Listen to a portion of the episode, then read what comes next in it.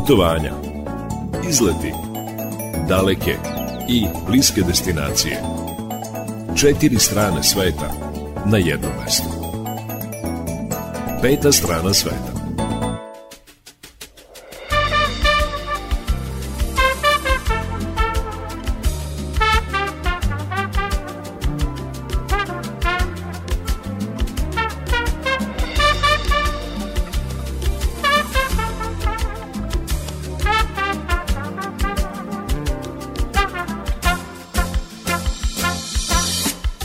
Dan poštovani slušalci, dobrodošli na Talase Radio Novog Sada, dobrodošli u još jedno izdanje turističkog magazina Peta strana sveta. Današnja emisija će biti veoma sadržajna i ja se nadam veoma zanimljiva za sve vas koji volite daleka putovanja, neobično putovanja, putovanja puna izazova. Najveći deo emisije posvetit ćemo putovanju poznatog blogera Srđana Šajinovića, čije tekstove možete čitati na blogu East to the Sun, dakle on voli da putuje na istok. 2019. godine, pre nego što je korona zarobila čitavu planetu, on je bio zarobljen u Mongoliji, jer je tamo u jednom malom gradu zavladala kuga. O tom svom, kako on kaže, putovanju života govorit će nam detaljno i podrobno. Za sam kraj razgovora sa njim ispričat će nam još jednu nezgodnu situaciju sa putovanja kroz Iran. U drugom delu emisije najavit ćemo poznate vojvođanske manifestacije. Reč je o Fruškogorskoj vinskoj šetnji koja će biti održana u Irigu u nedelju. Manifestacija se zove Walk and Wine. Potom ćemo najaviti i tradicionalnu manifestaciju koja se održava u Novom Bečeju. Reč je o Gospojini Kada smo već u Novom Bečeju, predložit ćemo vam šta biste mogli tamo da posetite, pa ćete čuti turističku razglednicu iz zavičajnog muzeja Glavaševa kuća. I pre nego što čujete vesti iz sveta turizma, našu redovnu rubriku koja je uvek na samom kraju emisije, čućete i kakav je program festivala uličnih svirača, mnogi kažu najveselijeg, najšarenijeg festivala koji se održava u Novom Sadu u podgrađu Petrovaradinske tvrđave. Sa vama će do 18 časova u turističkom magazinu biti muzički urednik Srđana Nikolić, majstor tona Katalina Debeljački, ja sam Irina Samopjan i volim da kažem na početku emisije neka ovo naše putovanje počne, a ono obično počinje pesmom koja u sebi ima putničke motive.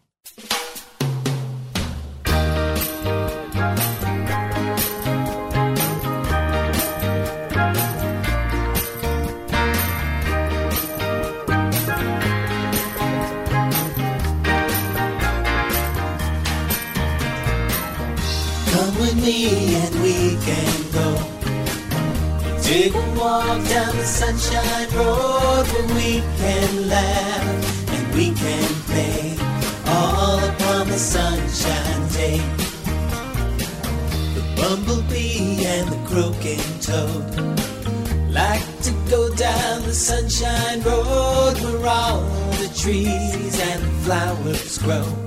Growing down the sunshine road.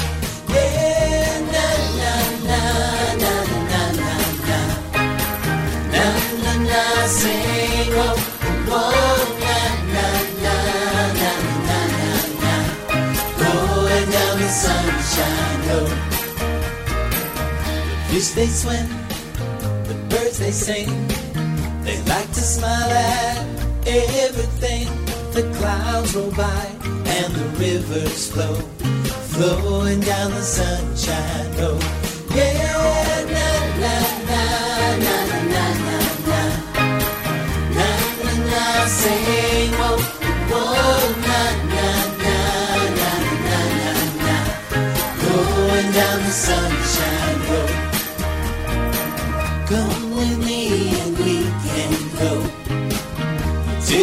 Walk down the sunshine road we can laugh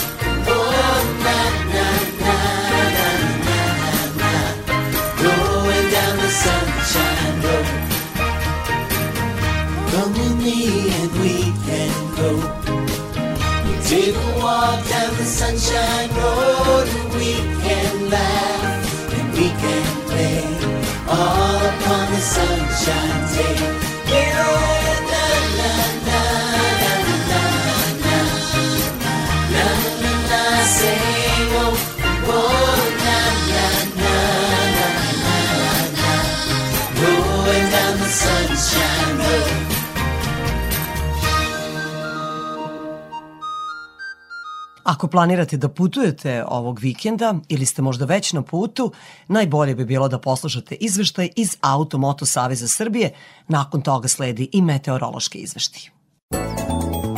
Izveštaj iz Automoto Saveza Srbije. Pozdrav iz operativnog centra Automoto Saveza Srbije. Poslednjih dana avgusta koliko nas deli od početka još jedne školske godine sigurno će biti samo razlog više da saobraćaj u narednim danima bude dodatno pojačan, a posebno u ovom poslednjem vikendu ovog meseca, kada će broj vozila sem na glavnim putnim pravcima biti povećan i na prilazima većih gradova.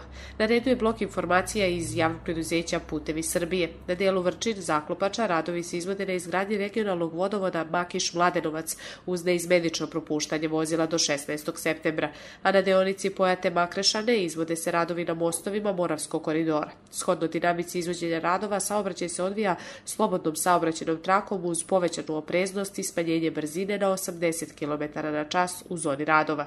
Radovi se izvode u toku dana sa pomeranjem na mostu, a rok za završetak radova je 30. avgust. Do kraja godine izvodit će se radovi na sanaciji odrona na deonici Gostun-Brodarevo kod mesta Žuti Kuk. A prema poslednjim informacijama koje smo dobili od uprave granične policije, sa Mađarskom na Horgošu zadržavanja su na ulazu u ovu zemlju višesatna. Popunjen je međuprostor pa je formirana duža kolona vozila na izlazu iz Srbije, a zadržavanja na našem prelazu su oko 2 sata. Na Kelebiji zadržavanja su promenljiva od 30 do 60 minuta, pa koristite prelaz Bački breg. Vikendom je prelaz Bački vinograd je otvoren od 7 do 22 sata, a Bajmuk od 7 do ponoći. Međuzona je većim delom popunjena i na prelazu prelazu Batrovci sa Hrvatskom. Na našem prelazu zadržavanja su oko 2 sata, a ukupno vreme za ulazak u Hrvatsku je višesatno. Oko 30 minuta čeka se i na prelazu Šid Tovarnik. Na prelazu Preševo na ulazu zadržavanja su oko 30 minuta, dok se na izlazu iz Srbije čeka između 30 i 60 minuta. Na Prohoru Pčinskom zadržavanja su uvek kraće a na našim prijelazima sa Crnom Gorom potrebno je oko 15 minuta za prolazak naših terminala. Promenljivo vreme zadržavanja očekuje putnike i na prelazu Gradina sa Bugarskom, koja se kreću u intervalima od 30 do 60 minuta u oba smera. Hidrirajte se i sa prvim znacima umora stanite na bezbednom mestu i odmorite. Za pomoć na putu ili savet iz oblasti saobraćaja, naš operativni centar i broj 1987 su vam uvek na raspolaganju. Iz Automoto Saveza Srbije javlja se Nevena Damjanović, a vozačima želimo srećen put. Vremenska prognoza za putnike. Tu je i naš Miodrag Stojanović da u potpuni izveštaj iz Automoto Saveza Srbije Naime, ima mnogo oni koji imaju bitni meteorološki izveštaj. Pa, Miodraž, dobar dan. Dobar dan, Ivana. Kako će vreme biti ovih dana? Evo, sunce sija, pretoplo je leto, onako, baš u jeku, pa koliko će se zadržati te letnje vreline? Pa imat ćemo o, produženi vikend, takozvani. Znači, subota i nedelja lepo i ponedeljak, evo utorak se menja. I subota i nedelja, ponedeljak slično kao ovih dana, je li tako? Tako je. Tako je, čak možda i toplije malo. A šta će onda biti utorak? Da li nam stižu grmljavine, ne daj Bože, one strašne sve. oluje? Ne, ne, ne, to, to strašno luje toga nema. Biće sigurno, biće i pljuska i grmljevina, ali to ništa nije strašno, to smo navikli. Dakle, jedna obična, uh, fina, letnja Promena. grmljavina i Obična- pljusak obična letnji. promena Da. vre, obična promena vremena, kao što uvek se dešava. Posle dugog Dobro, to toplog tala, to dolazi ovaj malo drugčiji talas i tako. To će nam prijeti. Miodraže, hvala vam što ste bili naš meteorolog i ovoga petka. Želim vam sve najbolje, uživajte i nađite neko mesto da se rashladite. Naravno, pa mora. Sve najbolje, Miodrag Stojanović. Pozdrav. Radio Novi Sad. Od oktobra turističke agencije biće u obavezi da prihvate novi način poslovanja koji bi trebalo da zaštiti prava putnika. Budite uz nas, saznaćete o čemu je reč.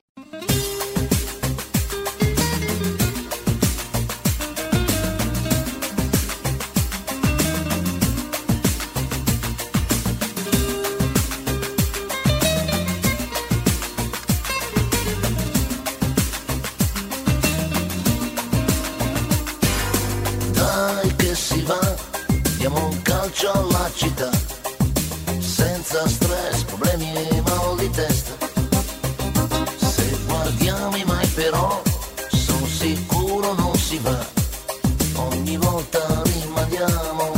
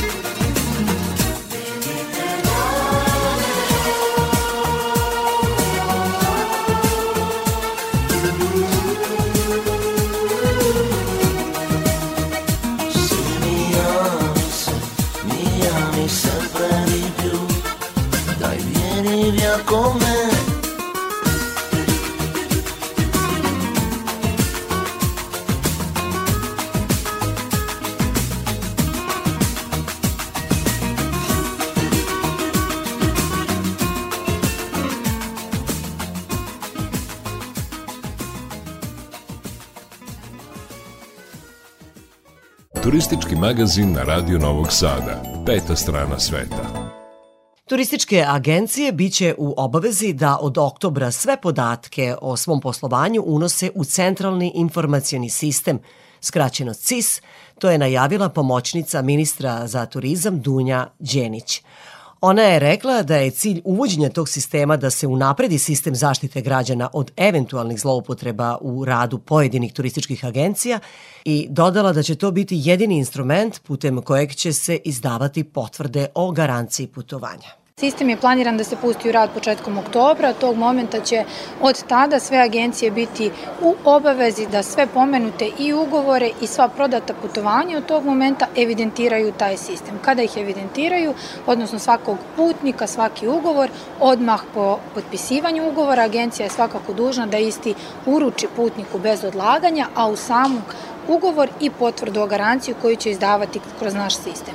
Ta potvrda o garanciji kao jedan dokument koji je neophodni sastavni deo ugovora će na sebi sadržati određeni verifikacioni kod sačinjen od određenih heli brojeva i slova koji će biti jedinstven, unificiran i putem kog će svaki putnik odlaskom na sajt ministarstva na posebnom delu moći da unoseći taj verifikacioni kod da potvrde i dobiju informaciju o samom organizatoru putovanja, destinaciji, ceni koštanja, garanciji putovanja, izdavaocu garancije i sl.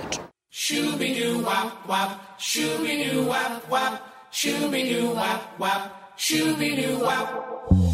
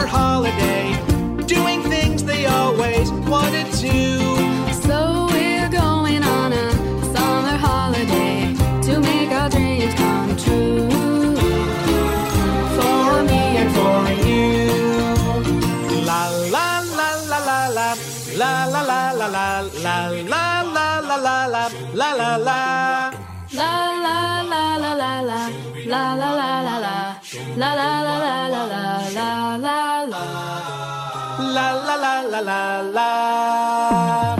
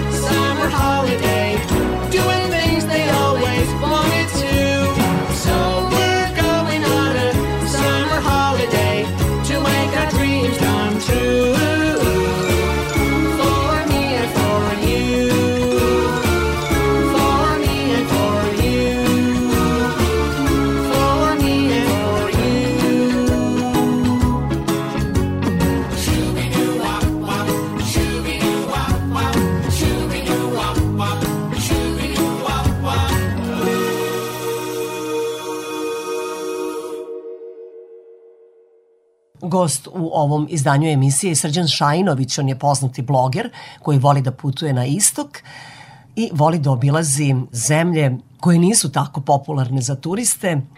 U jednoj takvoj zemlji je bio i tu ga je snašlo nešto nečuveno, kuga u 21. veku. Uskoro ćete slušati dogodovštine sa njegovog putovanja u Mongoliju.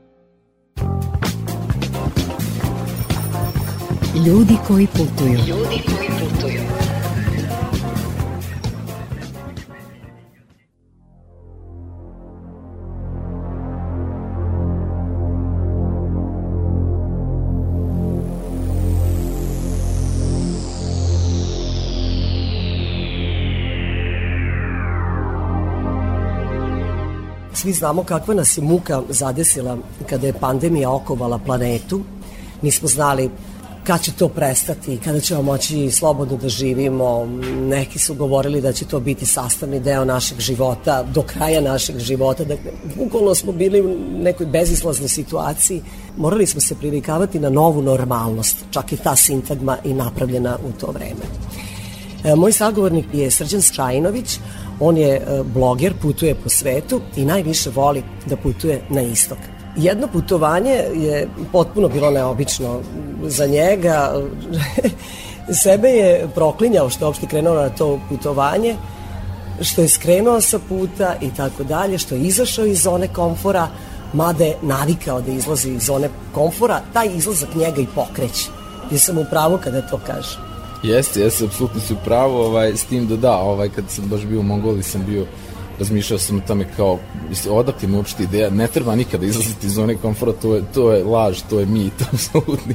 O tome sam razmišljao, zato što je baš e, gomila stvari pošla po zlu. Ja sam pomenula koronu, pandemija je okovala cijelu planetu, a ti si bio na jednom mestu, u jednom gradu, koji je okovala kuga. E sad, rekao si da je reč o Mongoliji, pa sad da čujemo kako si ti uopšte dospeo u Mongoliju i otkud kuga u 21. veku. Dobro, možda to u Mongoliji normalno, ali hajde da mi za to doznamo. Da, isto sam to pomislio, otkud kuga kada sam se tu našao. Mislim, ja sam išao kao... e, 2019. Da, 2019. Dakle, godinu dana prije korone. Krenuo sam, ovaj, e, sletio sam u Kazahstan, pa preko Kine, stigao u Mongoliju i tako išao sam autostopom, htio sam da se kao slobodno krećem, htio sam da istražim tu Mongoliju bez kao što obično radim, jel, bez nekakvih priprema i nekakvih planova.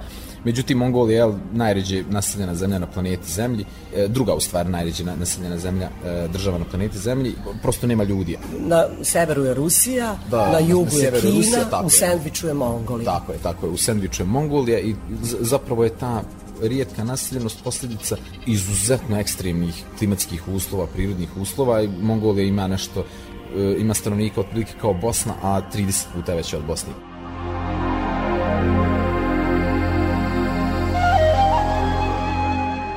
Meni se zapravo desilo da sam tim svojim kretanjem napravio čitav niz pogrešnih poteza i skretanja da bih na kraju zaglavio u gradiću koji se zove Ulgi u kom je e, bio na snazi karantin izazvan pojavom kuge i isto sam to pomislio kao što si ti rekla otkud kuga u u 21. vijeku bio sam potpuno u šoku mislim to je to je bukvalno priča mog života to je to je kao jedna jedna veoma dramatična priča ovaj da Hoćemo možda malo kao uvertiru u tu priču da govorimo o mentalitetu Mongolaca, kakvi su oni ljudi, kako žive u toj nepreglednoj pustari. Ja sam gledala tvoje fotografije, a gledala sam i neke druge. Na nekim drugim fotografijama videla sam i obronjke, pa malo i zelenila. Ako tebe samo pustara, pustara, pustara, i onda ne znam, neko skrene, pa u toj pustari negde živi. A gde živi, onda se vidi neka olupina, neka kućica, nešto malo stoke. To prosto ne možeš da veruješ eh, kako ti ljudi žive. Pa taj njihov pojam o vremenu, zemlja koja je jedna od potpuno neverovatnih zemalja na planeti koliko su oni ostali duboko ukoronjeni u svojoj tradiciji. Tamo se ništa ne menja vekovima. Ti si čak napisao jednu rečenicu na kraju, Bože, šta bi bilo da su Mongoli zavladali svetom, jel su oni harali?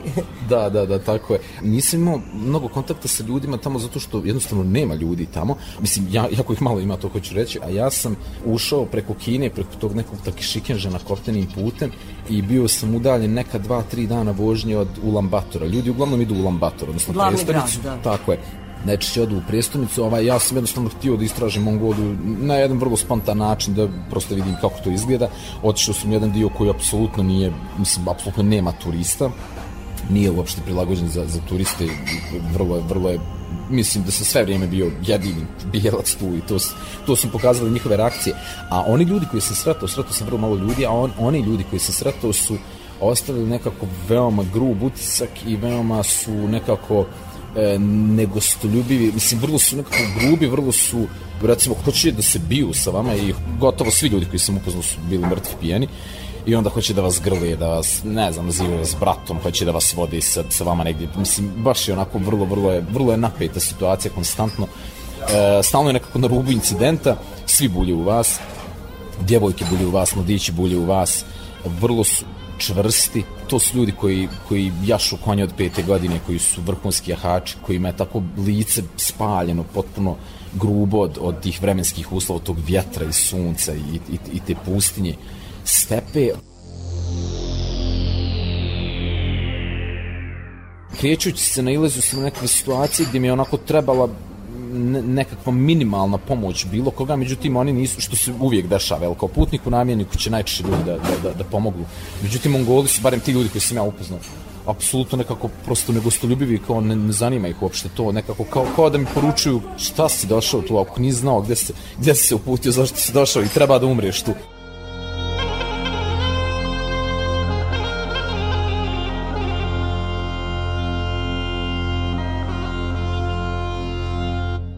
Peta strana sveta.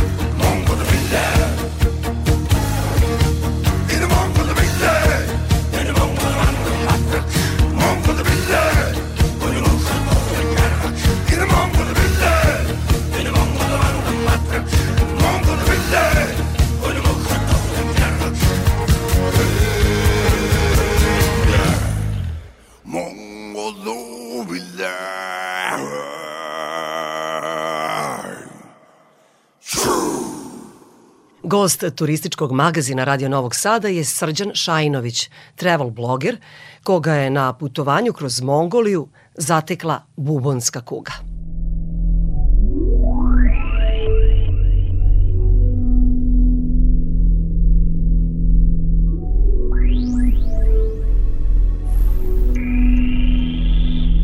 Mongoli mi se desilo više puta da sam zaista pomislio, iskreno doživio u potpunosti svojim čitavim tijelom i dušom doživio to da, da je to moj zadnji dan, da se neću izvući. To sam zaista pomislio Ti si molio Boga da stigneš Tako, u Rusiju, samo da se dokopaš prvog ruskog grada. Moram priznati da sam na kraju tvog putopisa i zaplakala kad si e, video e, ruskog graničara, ali dobro, to tek dolazi na kraju priče. Dakle, šta se sve događalo i zašto si ti poželeo toliko da pobegneš iz te Mongolije? nepregledne. Tebe je samo delilo stotinu kilometara do granice sa Rusijom, a tih stotinu kilometara se nekad u Mongoliji, kažeš, prelazi dva dana. Da, da, da, da. Pokušao sam da stignem autostopom do Rusije. Mislim, ja sam krenuo da provedem neko vrijeme u Mongoliji, međutim, kad sam shvatio koliko je to negostoljubiva zemlja, koliko je klima, prosto surova, koliko ja, ja ne mogu da se krijećem. Meni je, kad sam došao, ušao u Mongoliju, rekli su mi da mi treba da autobus se obraća za Ulan Bator. Autobus se obraća jednom u sedam dana i, i vožnje traje dva i po dana, tako nešto. Mislim, kao prosto nemate vi tu opcija, prosto ne možete otići u Ulan Bator, čao. I ti si krenuo stopom. Da, da, ja sam krenuo stopom, shvatio sam da ne mogu da stignem do Ulan Batora, mislim kao prosto nemam toliko vremena, krenuo sam gore ka, ka sjeveru, ka Rusiji, pa kao hajde, tu, tu ima neki gradić koji ima aerodrom, pa ću iz tog gradića eventualno da letim u Ulan Bator, to mi je bila ideja, ako ništa drugo, bliže sam Rusiji, odnosno civilizaciji nekoj, pa ću da bježim dalje. Međutim, to putovanje autostopom je bilo izuzetno neuspješno, jel, nije bilo prosto ljudi, nema, nema vozila, onda sam zaglavio u toj nekoj pustinji hodao i oluja se spremala, bilo je baš, baš jezivo, bilo užasno hladno i vidio sam nekoliko životinskih leševa pored puta, što mi nije apsolutno ulijevalo Ulivalo neko- nadu. Da, da, apsolutno je bilo vrlo jezivo. A da, pored toga, da, dakle, ja sam vidio nekoliko tih životinskih leševa u ra različitim periodima raspada, jel? A pored toga mi apsolutno nije pomoglo to što su me ljudi, te malobrojni ljudi koji sam sretao, upozoravali na nekakvom ruskom jeziku, jel, pošto ja nisam bio, baš bio u stanju da razumijem, ali su me upozoravali, doslovno molili da ne idem u taj Tolbo, gra- gradić se zove Tolbo. E, međutim, pošto oni... taj na granici sa tako Rusijom. Je, tako je.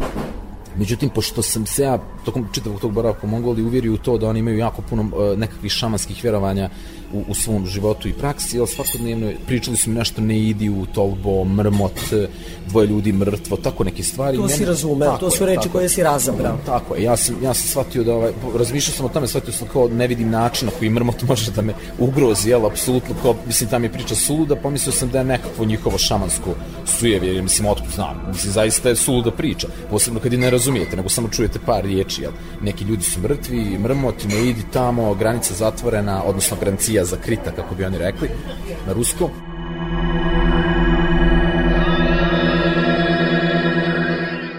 Tako da se oglušio ta njihova upozorenja ovaj, i jednostavno nastavio da se krećem gore i ovaj, e, ka Rusiji da bih jel dolaskom u taj gradić nakon čitav, čitave te drame, da, da, u, u toj situaciji sam iako nisam jel, religiozan, počeo sam zaista da se molim Bogu, jer prosto sam u, to je bio mislim prvi trenutak kad sam pomislio da ću skončati u toj pustinji, da se neću nikad izvući, jer sam ja hodao dva sata, ni jedan jedini automobil nije prošao i vrijeme, mislim, oluja samo što mi je počela, vidio sam nekakav most, ok, sakrici ispod mosta, od oluje, ali mislim rastrgaće me nekakve divlje zveri koje su jel rastrgale te životinje. Tako da je bilo vrlo, vrlo jezivo. Samo da ne padne mrak. Da, da, ali shvatio sam da kao, ok, ja iako, iako preživim sve to, mislim, moje psihičko stanje će biti potpuno, vrlo upitno, ovaj, ako, ako dočekam zoru. I da, pojavio se taj nekakav kombi, on je mene odvezao, ja sam stigao u taj gradić, onda se dogodilo to da da, oni su mene i dalje, sutradan recimo kad sam se probudio, ljudi su mi i dalje upozoravali da, da ne idem u Tolbo, da je granica zatvorena, da ne mogu, odnosno u Rusiju, da ne mogu da me voze, da, da kao prosto granica je zatvorena, da bih ja nakon par sati našao jednog čovjeka koji priča engleski, koji je meni zapravo objasnio čemu se radi, da ta njihova upozorenja vezana za mrmota zapravo nisu bila šamanska, odnosno nisu bila iz domena metafizike, nego su bila vrlo, vrlo iz domene realnosti, jel?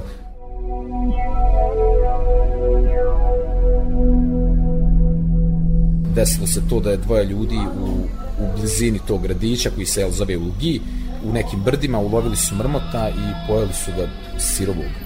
Znači ubili su ga i pojeli su ga sirovog i umrli su u najtežim mukama, to sam kasnije čitao u tim člancima. Izvršena obdukcija i ispostavilo se da su umrli zapravo od bubonske kuge, odnosno bubonska kuga je u 14. vijeku pobila trećinu evropskog stanovništva, izazvala je pandemiju koja se zvala crna smrt, inače, jel? E, ja kad sam čuo riječ kuga, mislim, kao, kao što si ti rekla, potpuno sam bio šokiran. Kad mi kažeš kuga, prvo što mi padne na pamet je smrt. I su Smrt. gomila mrtvih. Tako je, gomila mrtvih I ljudi. koje treba spaliti da se kuga ne bi širila. I grad se zatvara. Znači, ti si ipak stigao u Igiji. Tako je. Jesam dobro rekla? Jeste, u. Igiji. Ulgi, Ulgi, da, da. u Ulgi, u taj gradić koji se nalazi na granici sa Rusijom. Tebe su pustili, Tako je. iako je tu vladala kuga, mislim vladala, nisu znali ni kako se širi, da li se širi, koliko će to trajati, zato je ta panika tebe obuzela i tu si sve to doznao, a nije ti jasno zašto su te uopšte puštali da uđeš u grad. Tako je, tako je. Meni je taj mladić, inače Bobi se zove, koji mi je objasnio to, rekao kao da niko ne može da uđe i izađe iz grada i ja mu govorim, Bobi... Ali ja sam sad ušao. Da, ja mu govorim, Bobi, ja sam sinoć ušao, čoveče, go, govorim mu, vozi me, vozi me tamo na taj checkpoint, molim te, ja ću da im objasnim, ja nemam veze s ovim, ja nemam veze sa vašim, jel, običajima nenormalnim, prosto želim da izađem odavde kao im da su mi juče pustili, kažu ne, ja sam zaista pokušao da idem u Lambator, nema, niko ne može da izađe, zaista niko nije mogao da izađe. Kad kasnije sam saznao, bilo je u tom gradiću je bilo uh, šest ili sedam turista ovaj, i svi su bili pobrojani po imenima ili šta god po nacionalnostima, srećom, mene nisu, mene nisu objavili ovaj, u, u, u tim, ja, mislim, svi su pisali o tome, Guardian, BBC, ne znam, ja, bila je baš To je isto čudo, dakle, to je bila svetska vest, Da, da. senzacija, jel, za Tako. novinare, a ti o tome nisi imao pojma i ti si baš išao u taj grad. Zamisli koliko je to Da, suludo. zamisli, to je baš suludo.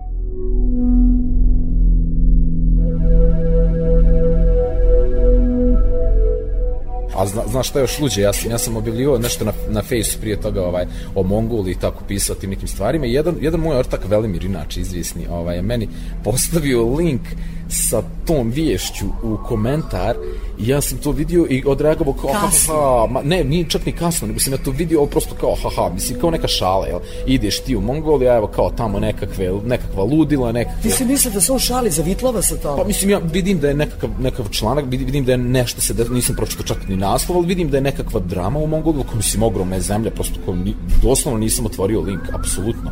Sam kao haha, to sam doživio kao nešto, jel, kao nekakvu šalu, zezam, evo gdje si krenuo, sad ćeš glavu da izgubiš, međutim ispostavilo da ispostavilo se da sam ja ušao baš u taj gradić o kom je jel U kome piše tako čitav je, svet. Tako je, tako je. Da ima kugu u svet. 21. veku Tako je. 2019. godine. Evo, Tako je, možete da upravo. pronađete sad slušalci da, tu da, da. vest. I eto, baš taj gradić koji, mislim, taj ortak mi je poslao link koji pominje doslovno taj gradić. To je gradić koji ima, ne znam, pa lupam, ne znam, 10 hiljada stanovnika, mislim, vjerovatno nema ni toliko budući da je Mongolija u pitanju, ali eto, ja sam uspio da uđem baš tu.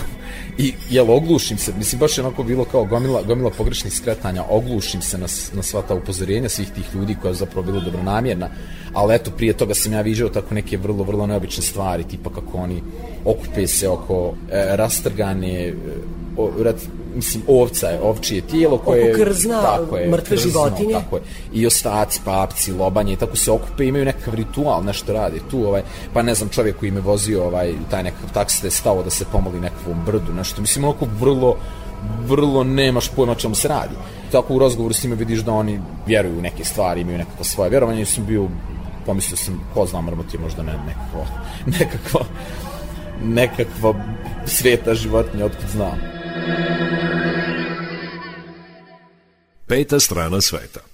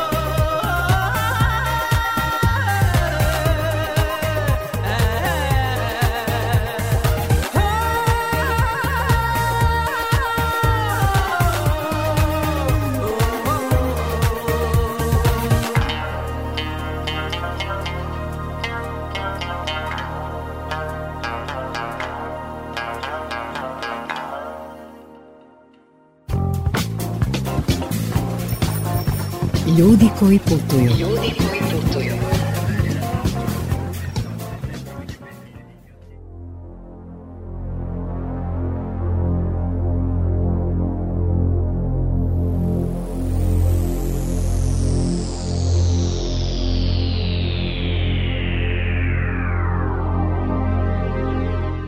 Podsećam slušalnice turističkog magazina Peta strana sveta, razgovaram sa Srđanom Šajinovićem. On nam prenosi svoje utiske koje je doživeo u Mongoliji 2019. godine kada je kuga harala jednim gradom na granici sa Rusijom u koji je on igrom slučaja dospeo i on je bio zarobljen u tom gradu i nije mogao da izađe. Srđane, ti kada si bio tamo, uspaničio si se, ne možeš da izađeš, ne znaš koliko će kuga trajati, ne znaš da li se prenosi, ne znaš da li ćeš se zaraziti, ne znaš da li ćeš živu glavu izvući. Da, da, mislim, to je bio jedan užasan trenutak kad mi je taj Bobby objasnio čemu se radi, kad sam ja, jel, nakon dva, tri dana slušanja priča o tome, ja sam sve vrijeme zbunjen, ja zapravo, zapravo taj trenutak kad hodam kroz pustinju, ja sam napravio nešto što je kao oproštajni video, jer sam zaista mislio da ću možda tu skončati i onda sam odlučio da se snimim, jel, u slučaju da se to desi, da prosto ljudi imaju nekakav uvid u to šta se dogodilo. I tu ja objašnjavam ovaj, nedavno sam pogledao taj video, naravno sa ove, sa ove tačke sam se smio o tome, e, gdje ja objašnjavam, ja zapravo govorim to kako mene ljudi upozoravaju, ali meni ništa nije jasno, oni mene upozoravaju da ne idem u tolbu, ali ja kao idem i dalje, jer meni kao, eto, prosto mi je kao to sve suludo, ali i dalje ne razumijem, vrlo sam zbunjen, jel? I nakon tih nekoliko dana, meni taj Bobby to objašnjava, ja najzad shvatam čemu se radi i zaista padam u neku vrstu očaja i tu, to traje, mislim, često mi se dešavaju slične situacije, ne baš tako dramatične, ali slične. I onda sam se nekako uvjerio da zapravo čovjek, barem ovaj čovjek, daleko je čvršći nego što misli kad, kad se nađe u takvim situacijama zapravo bude više, mislim, čvršći nego, nego što to misli. Ja sam, mislim, to je zaista bio trenutak očaja nekih 20-30 sekundi, minut, dva, nije bitno, ovaj, međutim ja sam vrlo brzo počeo da racionalizujem stvari, kao da... Hajde kako sad da se izvučem, Da, da. šta da radim, Tako, kako tako. treba da reagujem. Nago nam je da preživim. Tako je, ne mogu ništa da uradim po tom pitanju, nema šta da očajavam.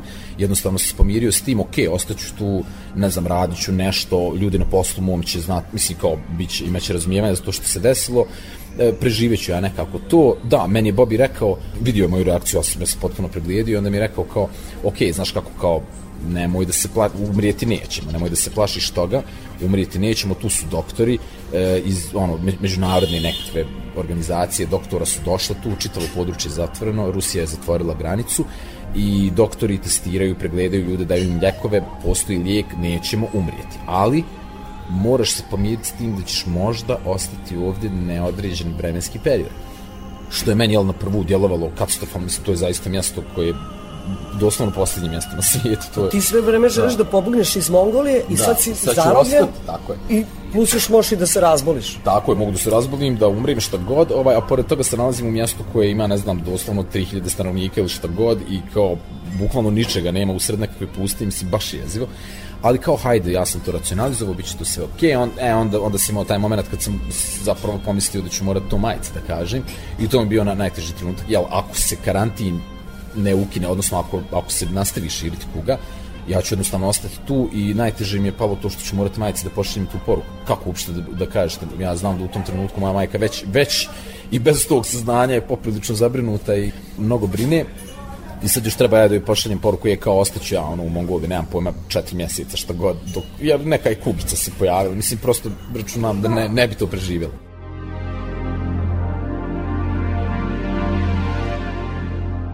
zapravo je srećna, da kažem, moja okolnost bila u tome što ovaj, taj karantin je trajao šest dana. Ja sam srećom došao zadnji dan e, i, i čak zadnju noć sam došao, jel, i čak nisam ni znao do recimo, ne znam, dva, dva popodne, a oni su u osam trebali da jave da li karantin ostaje na snazi ili ne. Tako da sam ja suštinski proveo samo šest, jel, pod navodnicima samo, šest sati te agonije, mislim, ti ostali ljudi, ti turisti su bili 5-6 dana u tom karantinu, njima je sigurno bilo daleko teže, ali eto, na, najinteresantnije od svega mi je bilo to što ti ljudi, lokalci su vrlo, vrlo lagani po tom pitanju, oni su kao, šta dramiš, bukvalno ta gospođa u hotelu mi je samo što mi nije rekla, mislim, nisu mogli da Ali komuniciramo. to se kod njih dešava da uh, ljudi u Mongoliji pojedu mrmota i da se zarazi kugom. Postoje meseci kada smeš jesti mrmota Tako i kada ne smeš da ga jedeš. Tako je, tako je. Pa nam to malo pojasni. Tako je, tako je, pa to su meni kasnije da objašnjavali kao, ja sam bio onako mislim, bio sam vrlo, vrlo ogorčen na Mongoliji, na sve to bio sam baš nekako pod stresom. Što jedu žive životinje. Da, da, da, mislim, vrlo sam to sve emotivno doživio, doživio sam jel lično, pošto je bilo veoma lično. I onda su mi ljudi objašnjavali, a dobro, kao nemoj niti da pretjeruješ, pa mislim, to je delikatis, mi to koristimo, mi to stalno radimo, kao samo što eto nije baš pametno da se, da se jede u proljećnim jesenjim mjesecima, to je bio maj, da to je bio početak maja, jer kao eto, pošto on spava zimski san, pa izađe iz zimskog sna, pa mu je tijelo puno toksina. Mislim, oni, da se razumijemo, doslovno pojedu sirovu životinju i to pojedu mu onako vrele bubrege i jetru. Dakle, bubrezi i jetra su doslovno, jel, toliko znamo svi o, o nekakvoj, nekakvoj biologiji, to su doslovno skladišta toksina. Oni to pojedu, mislim, možete da zamislite. Da, onda su mi rekli kao da je to zapravo delikates, da je to, oni to jedu iz, jel, kao prije svega ukusno ali takođe iz nekakvog spiritualnog, e, duhovnog razloga, šta znam, nešto im to znači. Zaista nisam želio da, da ulazim u to i da istražujem.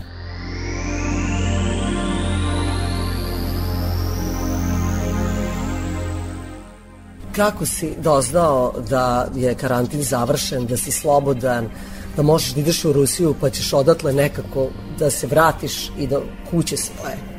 kad sam se malo sabrao, javio sam svom ortaku iz Banja Luke, Savi, koji je inače čovjek koji ovaj, onako dosta, dosta je spretan na internetu, vrlo brzo dolazi do informacije, inače i novinar i svašta nešto, tako da vrlo, vrlo je spretan u tom, u tom pogledu i onda on meni nekako e, jeli, googlao i nekako mi slao vrlo filtrirane, provjerene informacije da ja ne bi, ja bukvalno nisam smio da googlam, jer kao krenem da googlam, bojim se šta ću da nađem, jel?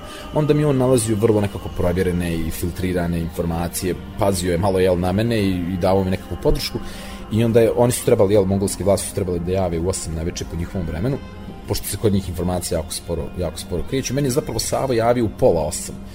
Znači pola sata prije zvaničnih mongolskih ovaj, vlasti da da kao karantin neće biti na snazi, više, jel, od sutra ujutru će biti sve otvoreno i možemo da izađemo, mogu da idem ka Rusiji i to. Ja sam naravno morao, morao ipak da sačekam tu, tu zvaničnu objavu. Tako da da, tako sam saznao i to je, to je bio, ja mislim, bukvalno sam osjetio kao da sam se ponovo radio, to je baš bio divan, divan dan kad sam shvatio najzad ću moći da uđem u Rusiju i, i, i kao najzad ću moći da se riješim ove zemlje, jer mislim to je, to je kao samo jedan, jel, najveći, da kažem, incident koji je bio zapravo međunarodni incident, ali meni se sve vrijeme dešavale poprilično neprijatne stvari. E sad, meni je okej, ja sam navikao, znao sam šta me čeka, znao, spreman sam na to i čak mi je bilo zabavno i zanimljivo, jel, prolaziti kroz te neke neprijatnosti, ali ovo je zaista bilo nešto što je zaista filmski scenarij, mislim, to niko nije očekivao da se nađemo u takvoj situaciji, jel? I eto, kao što rekao, srećom, oni su objavljivali te, te ljude, turiste, strance koji su bili, tamo bilo je 5-6 stranaca, mene srećom nisu, jel, nigde objavili, Naj, najmanje im je trebalo da mi, ne znam, majka pročita negde, da kao neki čovjek iz Bosne i Hercegovine, kao, Jel zna majka sada da si ti... Zna, znam, naravno. On, kad si joj rekao, kad ja, se vratio? Odmah, od, ja sam je, ja, ja bio čim, je- čim je prošlo, nisam htio da je govorim ništa dok je to trajalo. Sutradan ujutru kad sam izašao, u, kad sam se našao na sigurnom u Rusiji, onda sam im rekao, e, moram nešto da vam ispričam, ovaj, sve okej, samo da znate, sad je sve okej, ali... I onda sam Ali im bilo je, ispričao, pa da, onda bila, unazad, bila da. je frka, da.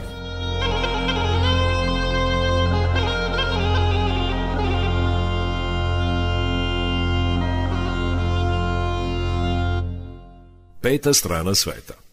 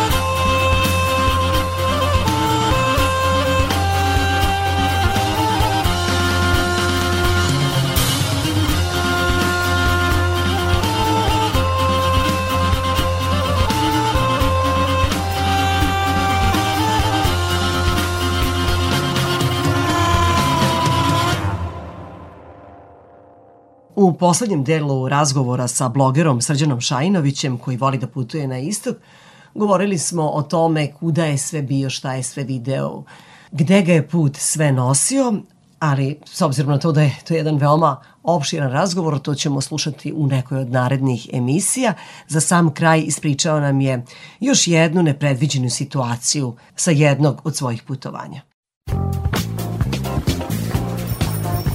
Ljudi koji putuju. Ljudi koji putuju. Ima recimo to isto bila vrlo vrlo dramatična situacija kada sam u Iranu u Iranu sam proveo e, neko vrijeme 500 km u pustinji, dakle 500 km udaljen od najbližeg grada u nekakvoj oazi gdje se zapravo povukla grupica od stotinjak ljudi kao nekakva hipi komuna koji su zapravo htjeli da budu slobodni i da djevojke ne moraju da nose hidžabe i htjeli su da mogu da šta god, prosto da se slobodno ponašaju. I onda su odrekli svega i otišli u to selo da žive slobodno. Ja sam otišao kod njih, proveo zaista predivno vrijeme s tim ljudima. Bilo je, to mi je nekako vrhunac putovanja u Iran koje je samo po sebi bilo vrhunac mojih putovanja, baš je bilo divno.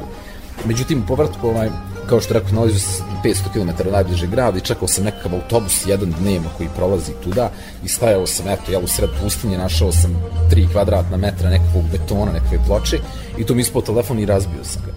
I onda, jel, samim time, da, i to baš u trenutku kad sam saznao da neće biti tog busa danas, tako da, ovaj, jel, mislim, tad sam shvatio koliko smo zapravo vezani za, za tu tehnologiju, ja sam doslovno u tom trenutku ostao bez svega što mi treba. Dakle, svih podataka, tako, skoro identitet da se doslovno sve, znači sve što, sve što imam i sve što mi treba u tom trenutku je taj telefon. Dakle, tu su mi mape vrlo potrebne, ali tu su mi brojevi telefona ljudi u Isfahanu, ja sam inače krenuo kao Isfahanu, tu mi je naravno internet, tu mi je muzika, mislim, tu mi je karte avionske, doslovno sve, ja sam paralizovan nakon toga.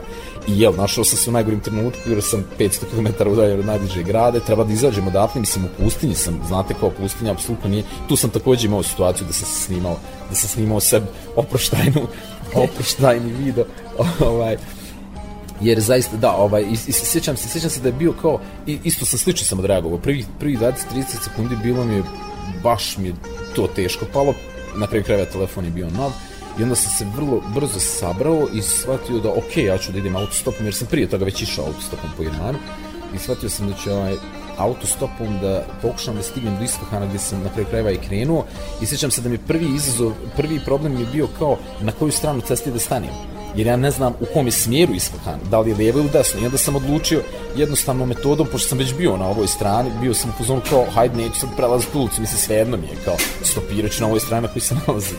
I ovaj, u, ne znam, nakon pustinje, mislim, tu nema nikoga, nakon pola sata je prvi auto naišao, drugi, treći, i onda mi pokupili su me neki ljudi, i onda su mi komunicirali nekakvom pantomimom, ja njima govorim kao, pokazujem rukom u njihovom smjeru i kao upitnim tonom govorim Isfahan, i oni kao klimaju glavom isto pokazuju da da da Isfahan u tom I smjeru. onda znaš da si tako, na dobrom putu. Tako, ja kao sad to Isfahan u tom smjeru.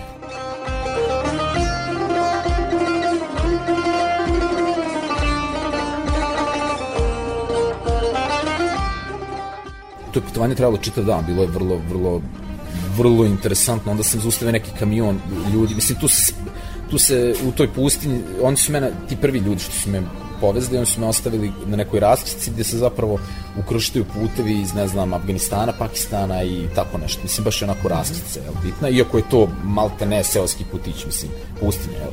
I onda sam tu zaustavio kamionđije neke koji su išli iz Afganistana i koji su ovaj, Uh, jedan od njih je nešto kao malo pričao engleski jezik, imali su nekakvu plinsku bocu, ovaj, na toj plinskoj boci su pušili opijum. Mislim, ja sam tad prvi put vidio zapravo šta je to i pitao sam, bio sam vrlo znatižen šta je to i onda mi je objasnio kao, ovaj, ma ništa ne brini, kao to je opijum, mi to svi radimo ovdje, kao to je najnormalnije. I onda je kao zapalio tu nekakvu, jel, na plinskoj boci u plinskoj boci zapalio tu nekakvu, nekakvu smjesu, šta, šta znam, ne znam kako to da objasnim, i ona je gorela na toj vatri, a onda je on uzeo slamku, stavio u usta i taj dim uvlačio direktno u sebe. Tako da u kabini je bilo dosta tog dima, ja sam se takođe nadisao tog, tog Nisi ti opijuma. prošao da, da, da. Onda nam, se, neoštećen, da. onda nam se pokvario taj kamion, mislim, pa smo kao morali svi da stopiramo. Mislim, onako Ali ti kamion... si bio prinuđen sa njima da Da, da. putuješ. pa Mislim, sad- meni je bilo skroz, oni su, jel, bili su vrlo, Pristojni. da kažem, vrlo pristojni, vrlo gostoljubivi, jednostavno kao bio je, bio je taj moment, ovaj meni je takođe bilo interesantno, mada kao, jel, kad se desilo, ne znam sad baš kako da reagujem, ja Da. sam njega zapravo pitao, viješ, šta, šta to radiš, kao, ne, ne, on je u stvari meni rekao, kao, jel ti smeta da upalim plinsku bocu, i ako, ne, što god, mislim, što bi mi smetalo, I onda je to da uradio. kafu, što bi mi Da, da, da, smetalo. ja ga pitam, rekao, što to radiš, i onda mi objasni. Uglavnom, pokvario se kamion, pa smo onda išli autostopom svi, on, kao, jel, moramo sad svi da idemo negdje, dalje, pa je nekakva kiša padala u sred pustinje, mislim, dobro, to je već bilo na, na rubu pustinje, bio nekakav pljusak, bio sam mokar, uglavnom ja sam uspio zapravo negdje u 8, 9 naveče zapravo da stignem u Isfahan, da priđem tih, ne znam koliko, 400-500 km i da stignem u Isfahan ovaj, doslovno za taj jedan dan bez ikvih da kažem problema, ali čitava jel, čitava priča se izrodila iz toga, mislim imam priču na blogu o tome koja je onako vrlo vrlo dramatična i vrlo je meni je vrlo draga, jel, vrlo je drago iskustvo. Onda se onda se zapravo završio pošto sam došao u Isfahan i morao sam naći internet da se javim roditeljima jer oni nemaju ja u, ja u pustini nisam, nisam imao pristup internetu Da, s- normalno. telefon je slomljen. Tako je, a mislim i prije toga prosto nema, daleko je. Nema, nema, Nema neka. signala, nema Tako je.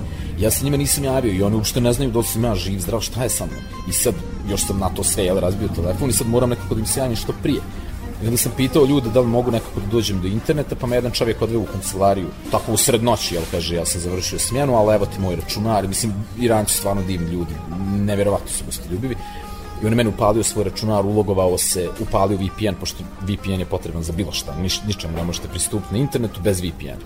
I on je upalio taj VPN, a jel u kancelariji bio njegov kolega i on je meni rekao kao, e, evo ti računar, ja odlazim sad, ti, što se mene tiče, budi do zore, tu, ovdje je moj drugar, kolega, znači, mislim, ja sam bio beskrajno zahvalan. I sad tu, jel, čitav niz drama, jel, meni Facebook i Gmail ne daju da se ulogujem, jer se ulogujem iz e, vrlo sumnjive Sa zemlje. pogrešne adre- sa druge adrese tako je, i da. tako to, ja, pa mi dokazuj da si ti tako ti je, i tako. Šalje mi konfirmacioni kod na telefon koji sam, jel, A razbio. ti ne možeš da da. počitaš kod, da, Da, da, da, da, da. da, da vidiš na displeju. Na kraju sam ja ostao u toj kancelariji, taj mi lik rekao da ostanem kod njega da spavam, ima neki krevet, ovo ono, mi smo izašli, potpuno ludilo, da bih ja tek ujutru shvatio da sam ja zapravo u taksi službi, znači dispečer taksi službe, zapravo sam se probudio u tom krevetu, jedan krevet na sprat, ja sam gore, taj mladić Areš, inače se zove Areš, on je spavao dole, uglavnom ja sam se probudio i sad zamislite moj šok, kad sam otvorio oči i vidim oko sebe, znači ja nemam pojma gdje sam tih prvi par sekundi, prosto jel, probudio sam se i ne znam gdje se nalazim. Uglavnom vidim oko sebe 30-ak sredovječnih muškaraca brkatih koji stoje i tako ništa ćute i stoje u sobi. Ja u potpunom šoku. Mislim, oni jednostavno stoje, kao ništa se ne dešava, ja se budim kao onako... Jel bunavan. gledaju tebe? Pa ne, neki gledaju, neki su kao nešto svoje čavrljaju, vrlo su tihi, vrlo kao, jel?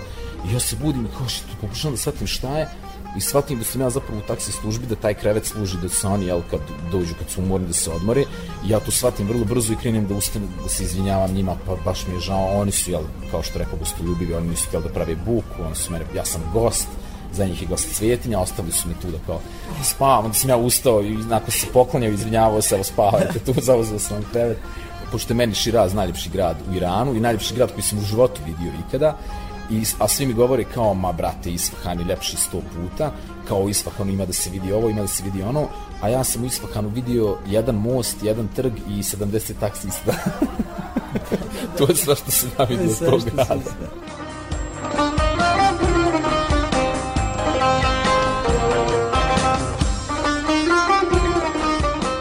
Hvala ti što si govorio za turistički magazin Pet strana sveta. Drago mi što sam upoznala svetskog putnika, pravog putnika koji se zaputi, pa gde ga put nanese. Imaš takav posao divan da možeš da budeš odsutan i po dva meseca iz naše zemlje, pa kad se vratiš opet možeš da uđeš u svoju kancelariju, a svoj posao možda radiš sa bilo koje destinacije koju voliš. Više puta si rekao u toku ovog razgovora, e, to sam pisao na mom blogu, čitajte blogove Srđana Šajinovića, on voli da putuje na istok, a ako vi volite istok, e onda ćete imati najbolje moguće smernice o ljudima, o podneblju, o tradiciji, više o tome nego izgledu gradova, metropola, ali napravi on dobru sublimaciju svega što je doživeo. Blog se zove East to the Sun. Srđan Šajinović bio je moj gost. Hvala ti mnogo. Hvala, hvala tebi puno. Još jednom veliki pozdrav tebi i tvojim slušalcima.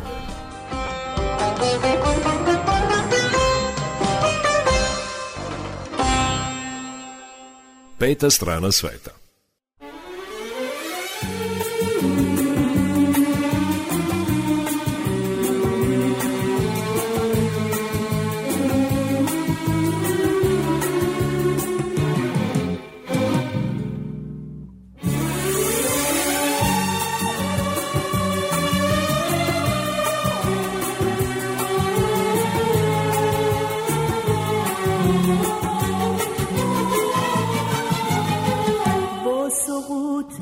دستای ما.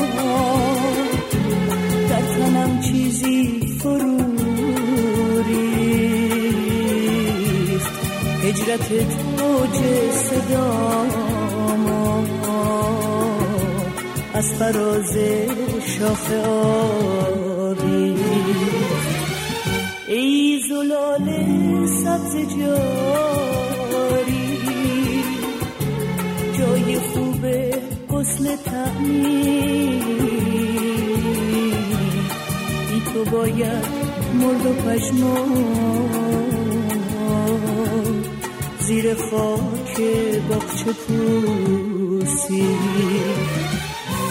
فصلی که من با تو ما شد. فصل سبز خواهش بر. فصلی که ما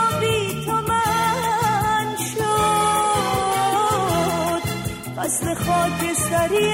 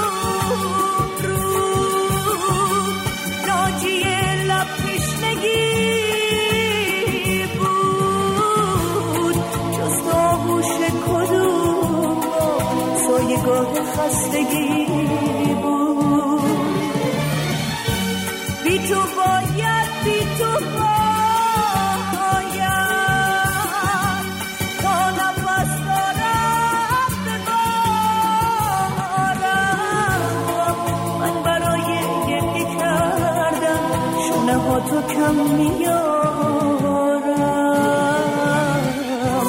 چشم تو با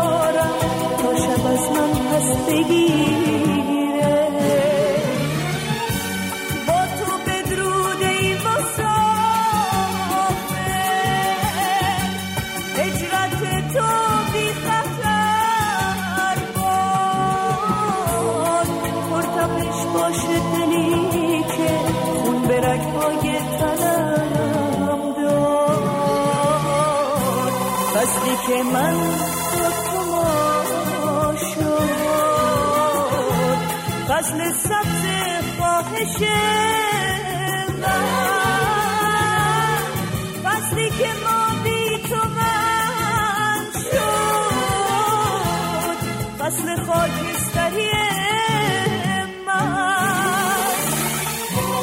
فصلی که من با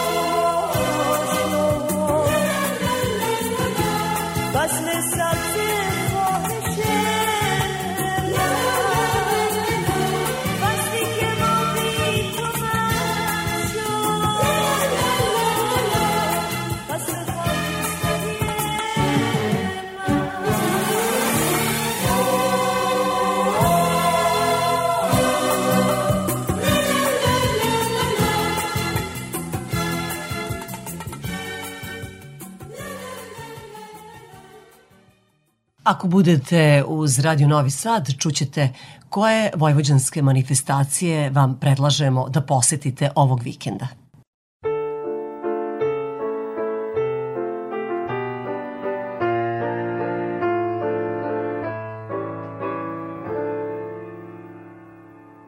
Songs and melodies change and change and sway, but they still stay the same. songs that we sang when the dark days come. Are the songs that we sang when we chased them away. If I ever found a pot of gold, I'd buy bottles untold of the nectar of the vines. Cause I'm gonna die with a twinkle in my eye. Cause I sang songs, spun stories, love, laughed, and drank wine. Tomorrow is.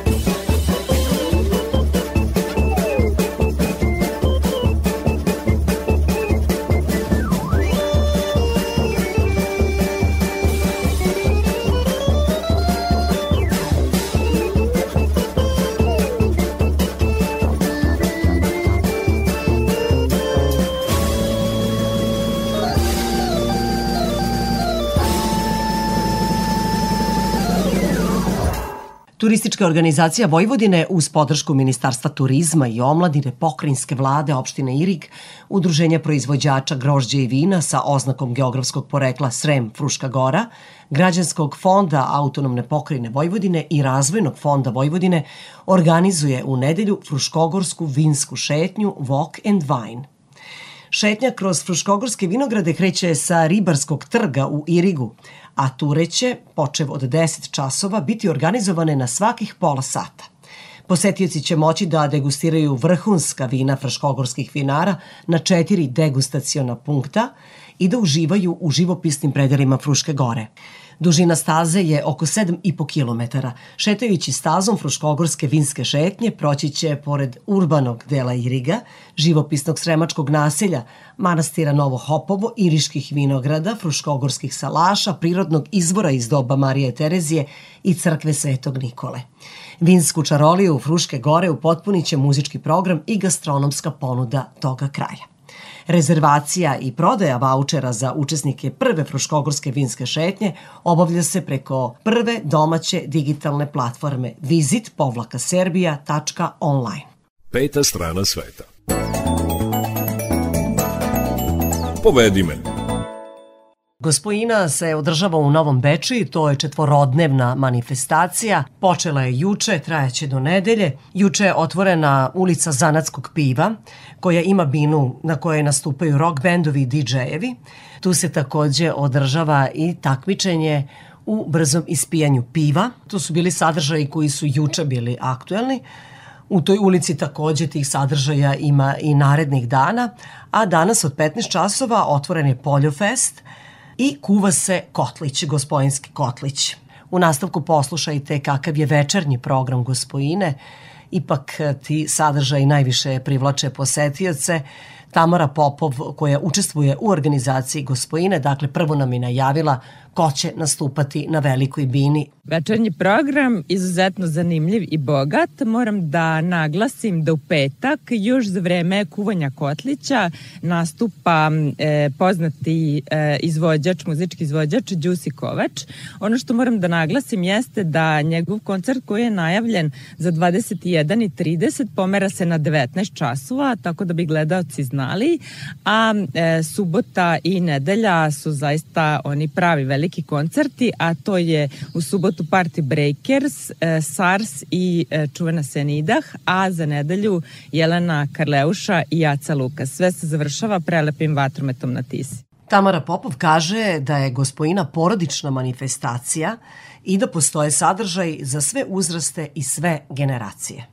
Evo, na primer, u subotu, već u 9 ujutro, e, imamo otvorene dane rečne flotile i kopnene brigade Vojske Srbije.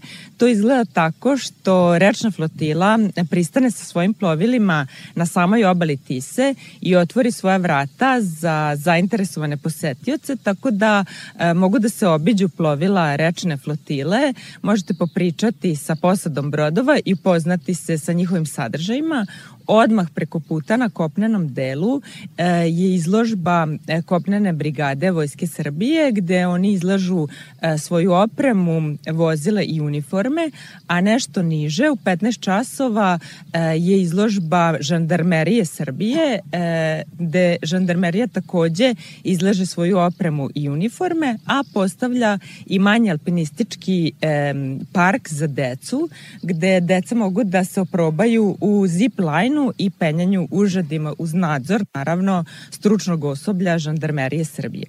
Takođe, za mališane imamo e, program tri dana, odnosno petak Avliju za Bavliju i subotu i nedelju Deči ulicu, gde su naši animatori i vaspitači pripremili izuzetno zanimljiv program za mališane. Na Novobečijsku gospojinu dođe veoma mnogo posetilaca, kako iz naše zemlje, tako i iz regiona. Moram da kažem da je bezbednost na izuzetno visokom nivou.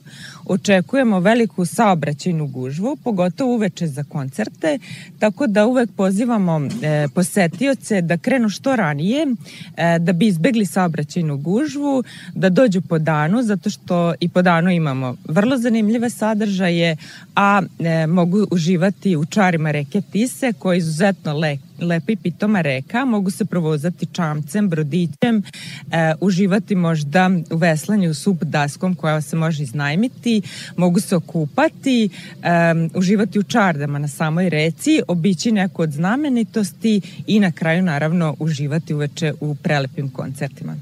Čuli ste Tamaru Popov koja je učestvovala u organizaciji manifestacije Gospojina koja se održava u Novom Beču i počela je juče, a završava se u nedelju.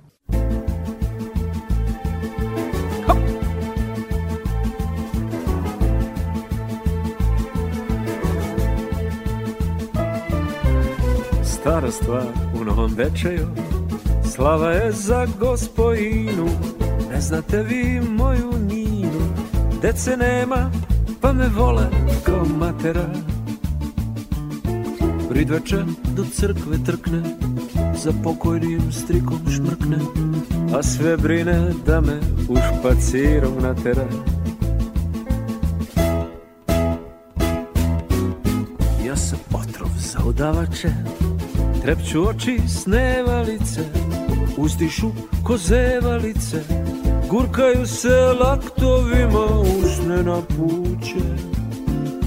Jednoj miraz mlin što melje Drugoj lanac i po zemlje Trećoj cifra tolka da se samo šapuće. Vešte curice s glavne ulice Kada prođe sin jedinac štikla kleca.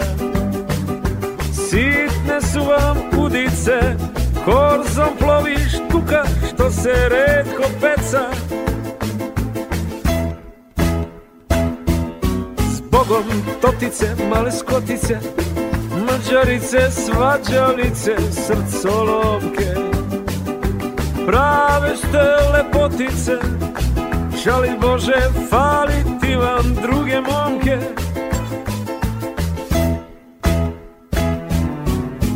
Videh penčer u Bečkereku I u njemu povrh lale Tog trenutka procvetale Zasja pramen viđi Kao krilo te treba.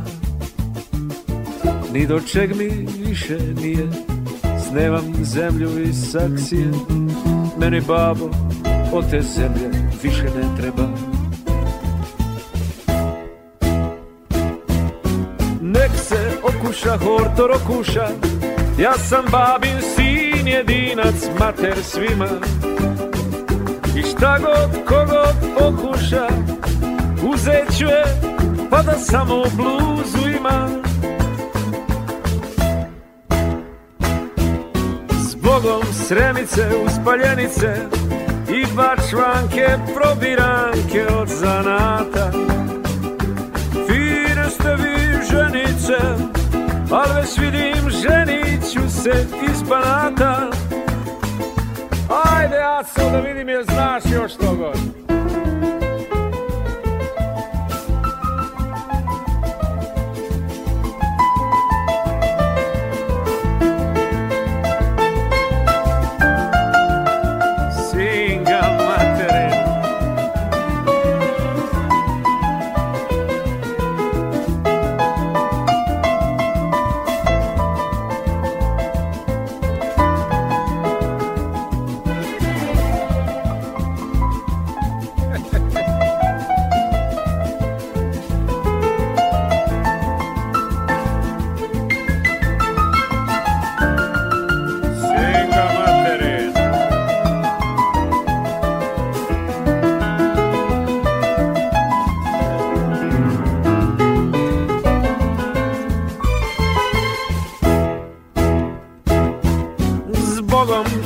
totice, male skotice Mađarice, svađalice, srcolomke.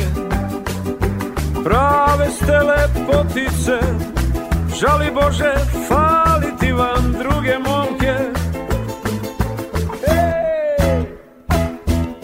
Zbogom sremice, uspaljenice I bačvanke, probiranke od zanata. Fine ste vi Al već vidim, ženit ću se iz Banata.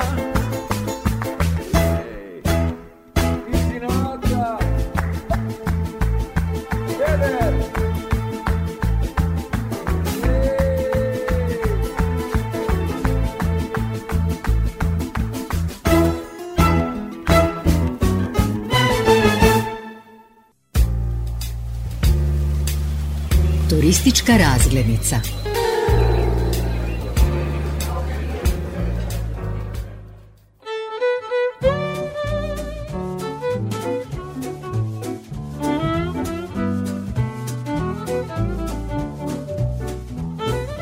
Glavaševa kuća koja se nalazi u Vranjevu i to je veoma bitno da kažemo, jer Vranjevo je bilo mesto pored Novog Bečeja, sada je sastavni deo Novog Bečeja i i dalje postoji rivalitet, zna se ko je iz Vranjeva i čiji su iz Vranjeva, a zna se čiji su iz Novog Bečeja, ali to sad nije tema naše priče, tema je Glavaševa kuća, on je bio dobrotvor, doktor prava, koji je živeo u drugoj polovini 19. veka, poznavao je mnoge znamenite ljude poput Jovana Jovanovića Zmaja, poput Đure Jakšića, Svetozara Miletića i drugi ljude toga vremena, umne ljude toga vremena je poznavao i oni su hodili ovim ulicama gde se ja sada nalazim u Novom Bečeju ili, kao što rekoh na početku preciznije, u Vranjevu.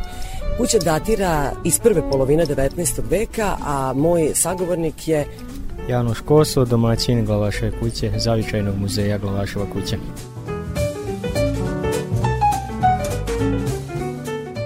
Pre nego što sam došla u ovu kuću, pročitala sam šta sve možemo da vidimo u toj kući i zaista je ona, kad je reč o sadržajima, veoma slojevita. Pa šta prvo da pomenemo, u koju prostoriju prvo treba da uđemo? Imamo glavnu kuću koju po testamentu doktora Vladimira e, ženska čejad nije smela da kroči 100 godina posle svoje smrti, znači od 1909. 16. februara do 2009. to se ispoštovalo, dotle su sredili kuću, obnovili i otvara se za javnost. Drugo što je zaveštao pravoslavnoj crkvi znači kuću komplet sa komplet nameštajem.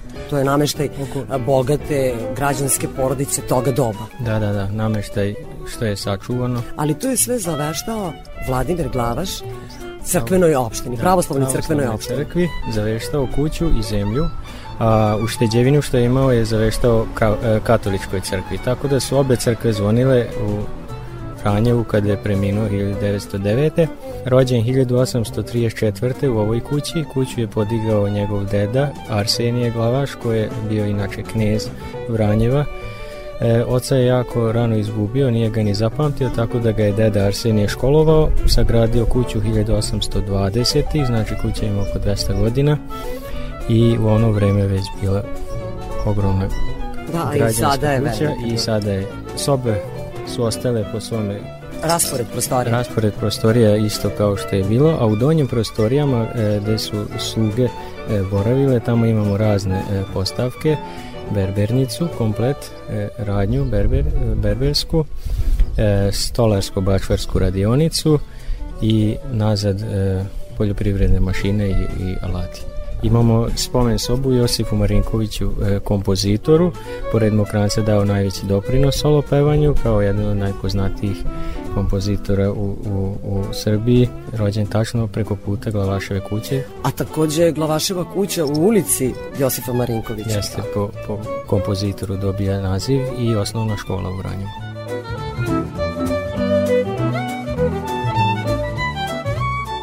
Takođe je zanimljiva soba u kojoj se nalaze portreti i fotografije e, ljudi koji su nekad živeli u ovom delu u Vranjevu, je li tako? Da, to nam je jedan koncept onako o, o centru Vranjeva i viđeni ljudi i e, društva, pevačka društva, zemlradničke zadruge i ostalo što je funkcionisalo u, u 19. veku. O Glavaševoj kući e, računa vodi turistička organizacija Novog Bečeja, ali još jedno društvo. Zavičajni klub Novobečejaca i Vranjevčana. Janoše, u kolikom broju dolaze turisti i kako reaguju kada vide muzej, ovakav muzej? Pa preko 3000 Godišnje. da kažemo godišnje posete imamo i sve češće i češće nam dolaze. Svi su oduševljeni naročito kad, kad na kraju izlaze i kao da se oprostimo i onda rekao još imamo vinski podrum gde su se družili Čikajova Zmaj i doktor Vladimir Glavaš. Jeste, i posetioci mogu da degustiraju vina ovoga kraja. rakiju. Zato A ne, vina već... vi- Vina nemamo, samo rakiju i to uh, sa naših stabola što pečemo i kaj, od kajsije i, i od grožđa, tako da jedini muzej koji i peče svoje piće i lageruje. Jeste i, i nudi posetiocima da, probaju. Jeste. Ja vam želim sve najbolje, hvala vam što ste govorili za petu stranu sveta Radio Novog Sada. Hvala i vama. Moj sagovornik bio je Janoš Koso, domaćin u Glavašovoj kući, kući iz početka 19. veka, koju je Vladimir Glavaš, doktor prava, zaveštao crkvi i taj muzej danas pripada opštini Novi Bečej.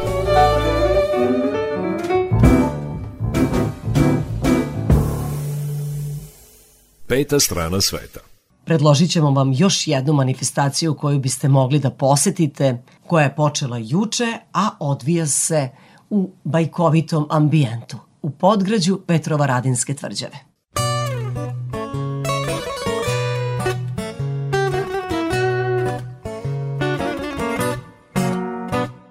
Zlatne niti kasno sudbina mi splela Hor slavuja skrila ispod moga čela. U mom srcu tvoje oči da me progone A u duši nemir koji plaši me. Noge bi daleko od ove kaldrme Al nije lako kada pustiš korene.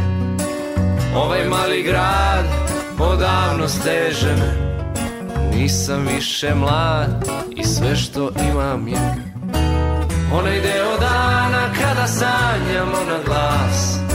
Melodija noći što je deo nas. Usnama po koži piši mi o ljubavi. Samo ti me od života možeš spasiti.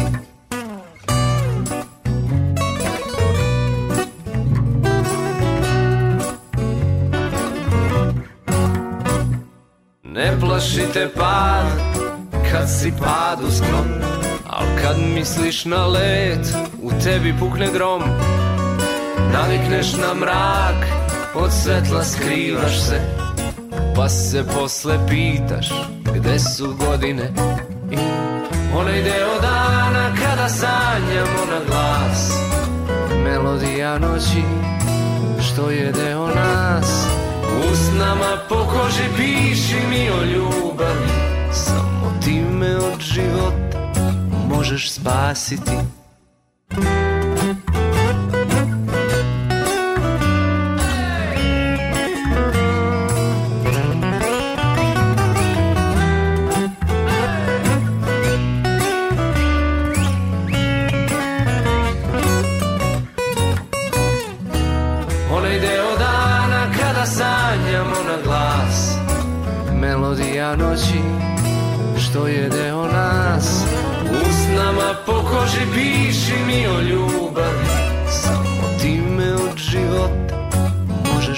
spasiti Onaj deo dana kada sanjamo na glas. Melodija noći što je deo nas.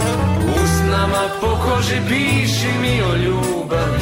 Samo ti me od života možeš spasiti. Povedi me. Festival uličnih svirača Gradić Fest počeo je juče. Taj najšareniji novosadski festival možete posetiti još večeras i sutra. Juče je festivalska povorka od centra grada preko Varadinskog mosta došla u podgrađe Petrovaradinske tvrđave i to je označilo početak trodnevne zabave. Moto organizatora manifestacije je taj da kultura pripada ulici i da pripada svima, zato su svi programi besplatni. Detaljnije o programu sa selektorom internacionalnog programa Festivala uličnih svirača Aleksandrom Carićem razgovarala je naša Tamara Srijemac. Posetioci festivala uličnih svirača svake godine a, budu u prilici da čuju određen broj muzičara bendova koji prvi put sviraju na festivalu i koje su neka nova imena, što je izuzetno važno i za otkrivanje nove da bude, muzike. da, naravno. jeste.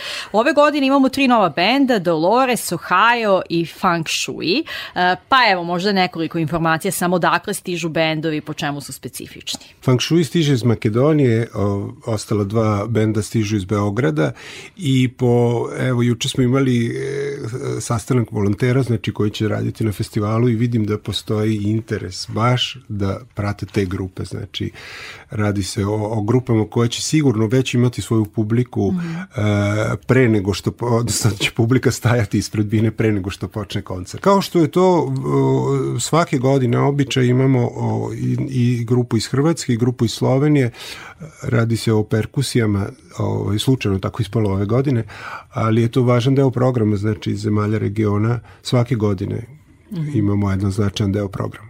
Činjenica jeste da festival raste i ove godine vratila bih se na ovogodišnje izdanje festivala da imamo jedan zanimljivost, e, vrlo autentičan muzički autobus e, što će Tako biti je. do Gradić Festa. Dakle, to je saradnja sa gradskim saobraćenim preduzećem u Novom Sadu i publika će imati priliku da besplatno dođe na festival gradskim autobusima, ali to nisu obični autobusi. O čemu je reč? Naravno, o, e, GSP je predložio da, da da dva autobusa koji će besplatno prevoziti publiku do gradića u Petrovaradinu, jedan sa željezničke stanice, jedan sa Limana 4 i ti autobusi će imati veliki natpis festival uličnih svirača, znači bit će opremljeni, brendirani kako se to ovaj, obično kaže. I u tim autobusima će se pojavljivati muzičari, znači to je jedna vrsta nekog pokretnog dela festivala i jednog poziva novosađanima i drugima koji dođu u naš grad da se pridruže ili da se popnu u taj autobus i da krenu u avanturu, čak i ne znajući šta će naći u, u Mhm. gradiću Petrovaradinu. Znači, tu već kreće žurka. Kad se Tako je, to je već festival, autobus. već Da. festival. Peta strana sveta.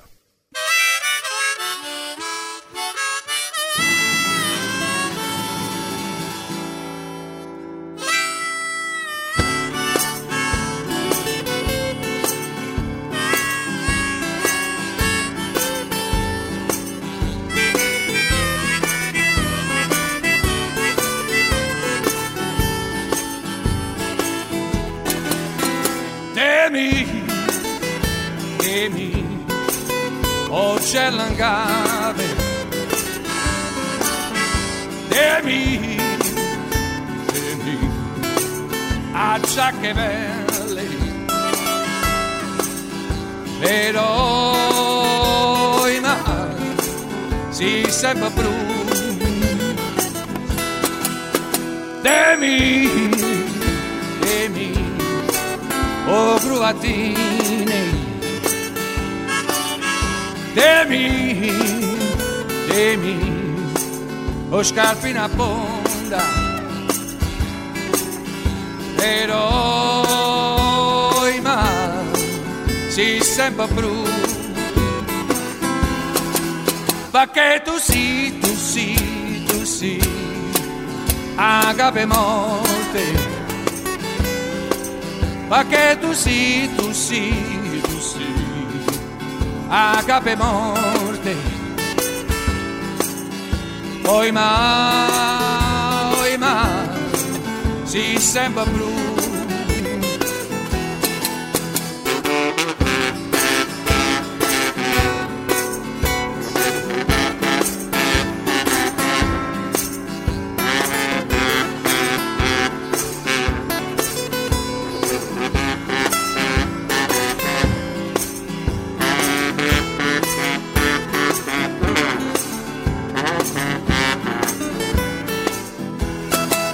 Perché tu sì, tu sì, tu sì, agape morte.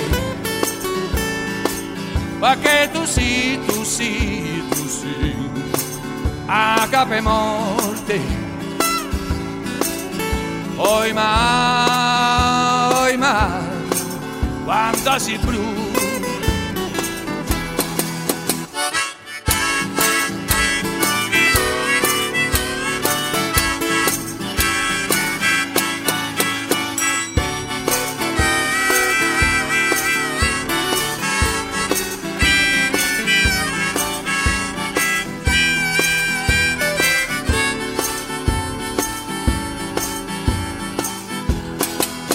Perché tu sì, tu sì, tu sì, agape morte. Yeah. Perché tu sì, tu sì, tu sì, agape morte. Oi ma, oi ma, quando si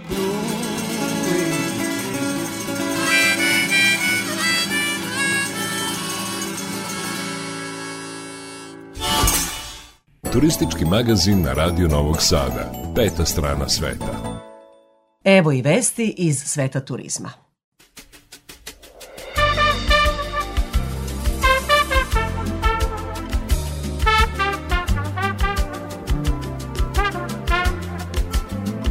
Prva vest je sa portala bisportal.rs. Prema analizi, najskuplje destinacije za odmor bez troškova leta su Gustavija u St. Barcu, Gštat u Švajcarskoj, Aspen u Koloradu, Park City u Juti, Maui na Havajima, London, zatim ostravo Kakao na Maldivima, Maun u Bocvani, Veliki Kajman i Monte Carlo. Listom dominiraju ostrava i luksuzni skijaški gradovi, iako rame uz rame sa njima može da stane i safari ekoturizam. To piše CNBC Travel. Karibsko ostravo St. Barts je najskuplja destinacija za odmor na svetu, uglavnom zbog visokih troškova smeštaja, koji u proseku koštaju 1770 dolara za noć.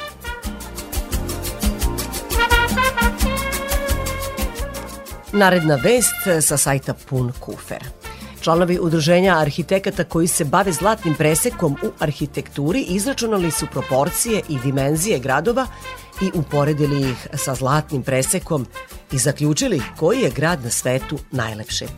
Oni su na sajtu Online Mortgage Advisor objavili svoju studiju u kojoj su proučavali istorijske gradove širom Ujedinjenog kraljevstva, ali i ostatka sveta, kao i najpoznatije građevine i arhitekturu gradova. Prema procentu u kojem se lepota gradova poklapa sa zlatnim presekom, zaključili su da je sa 83,7% najlepši grad u Ujedinjenom kraljevstvu Chester. Za njim slede London, Belfast i Liverpool. Oni su se potom upustili u malo zahtevniji zadatak da pronađu najlepši grad na svetu.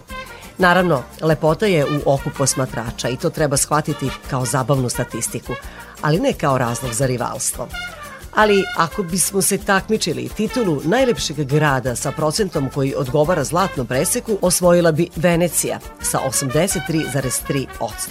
Slede Rim, Barcelona i Prag. Kada je reč o zemljama u našem okruženju, u prvih deset gradova ušla je i Mađarska, odnosno njena prestonica Budimpešta, koja je zauzela sedmo mesto. Inače, Venecija je jedinstven grad u svetu, izgrađena je na 118 malih ostrava u laguni, na ušću reke Brente u Venecijansku lagunu, sa kanalima umesto ulica. Duž kanala nalazi se niz crkava i palata prvorazredne vrednosti koje tvore jedinstven urbani sklop. Zbog toga su Venecija i njeni kanali proglašeni spomenikom svetske baštine UNESCO.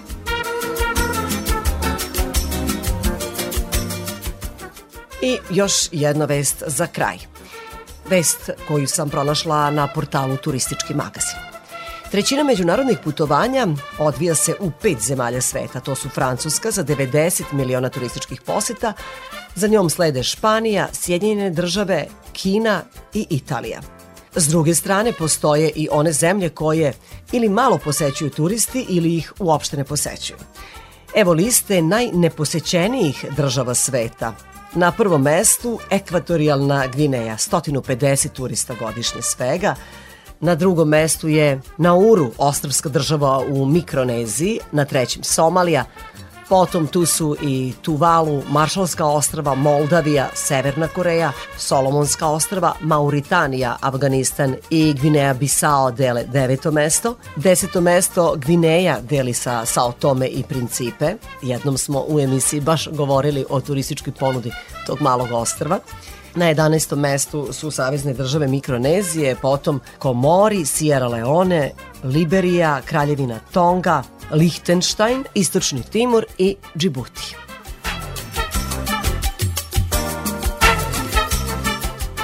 Bilo je to sve poštovani slušalci što smo vam pripremili u ovom izdanju turističkog magazina Peta strana sveta. Nadam se da ste uživali i da ste nestrpljivi da čujete koje će nam to teme biti narednog petka. Znate da turistički magazin počinje posle vesti u 16 časova, a završava se u 18 časova. Uskoro će 18 časova, čućete naše najnovije vesti, a potom i našu najstariju muzičku emisiju Randevu sa muzikom.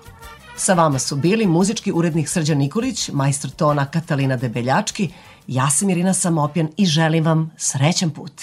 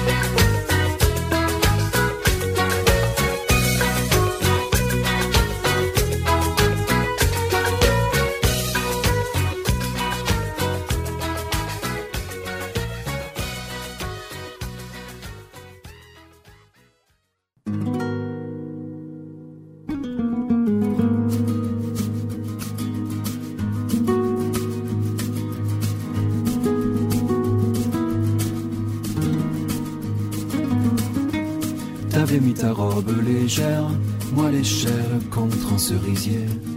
T'as voulu monter la première, et après, y a tant de façons, de manières de dire les choses sans parler. Mais comme tu savais bien le faire, tu l'as fait. Un sourire, une main tendue. Par le jeu des transparences, ces fruits dans les plis du tissu qui balancent.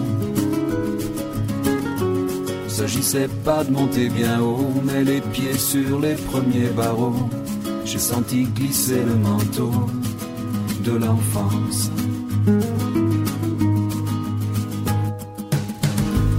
On n'a rien gravé dans le marbre, mais j'avoue souvent y penser. Fois que j'entends qu'un arbre est tombé. Un arbre s'est vite fendu, le bois, quelqu'un a dû le vendre. S'il savait le mal que j'ai eu à descendre. D'ailleurs, en suis-je descendu?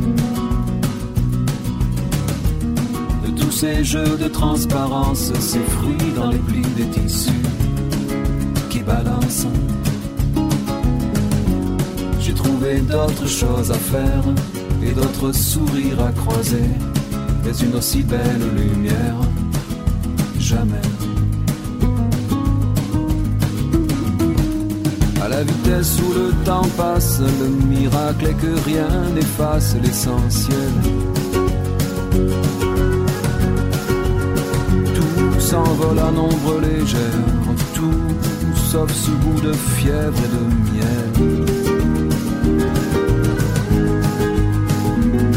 Tout s'est envolé dans l'espace, le sourire, la robe, l'arbre et l'échelle. À la vitesse où le temps passe, rien, rien n'efface l'essentiel.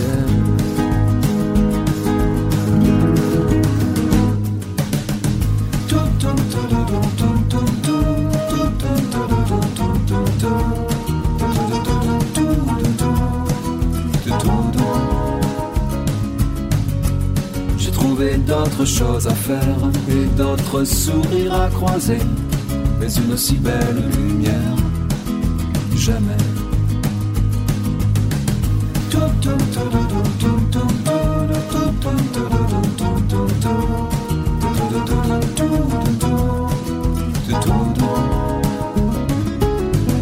Et voilà que du sol nous sommes, nous passons nos vies de mortels à chercher ces portes qui donnent vers le ciel.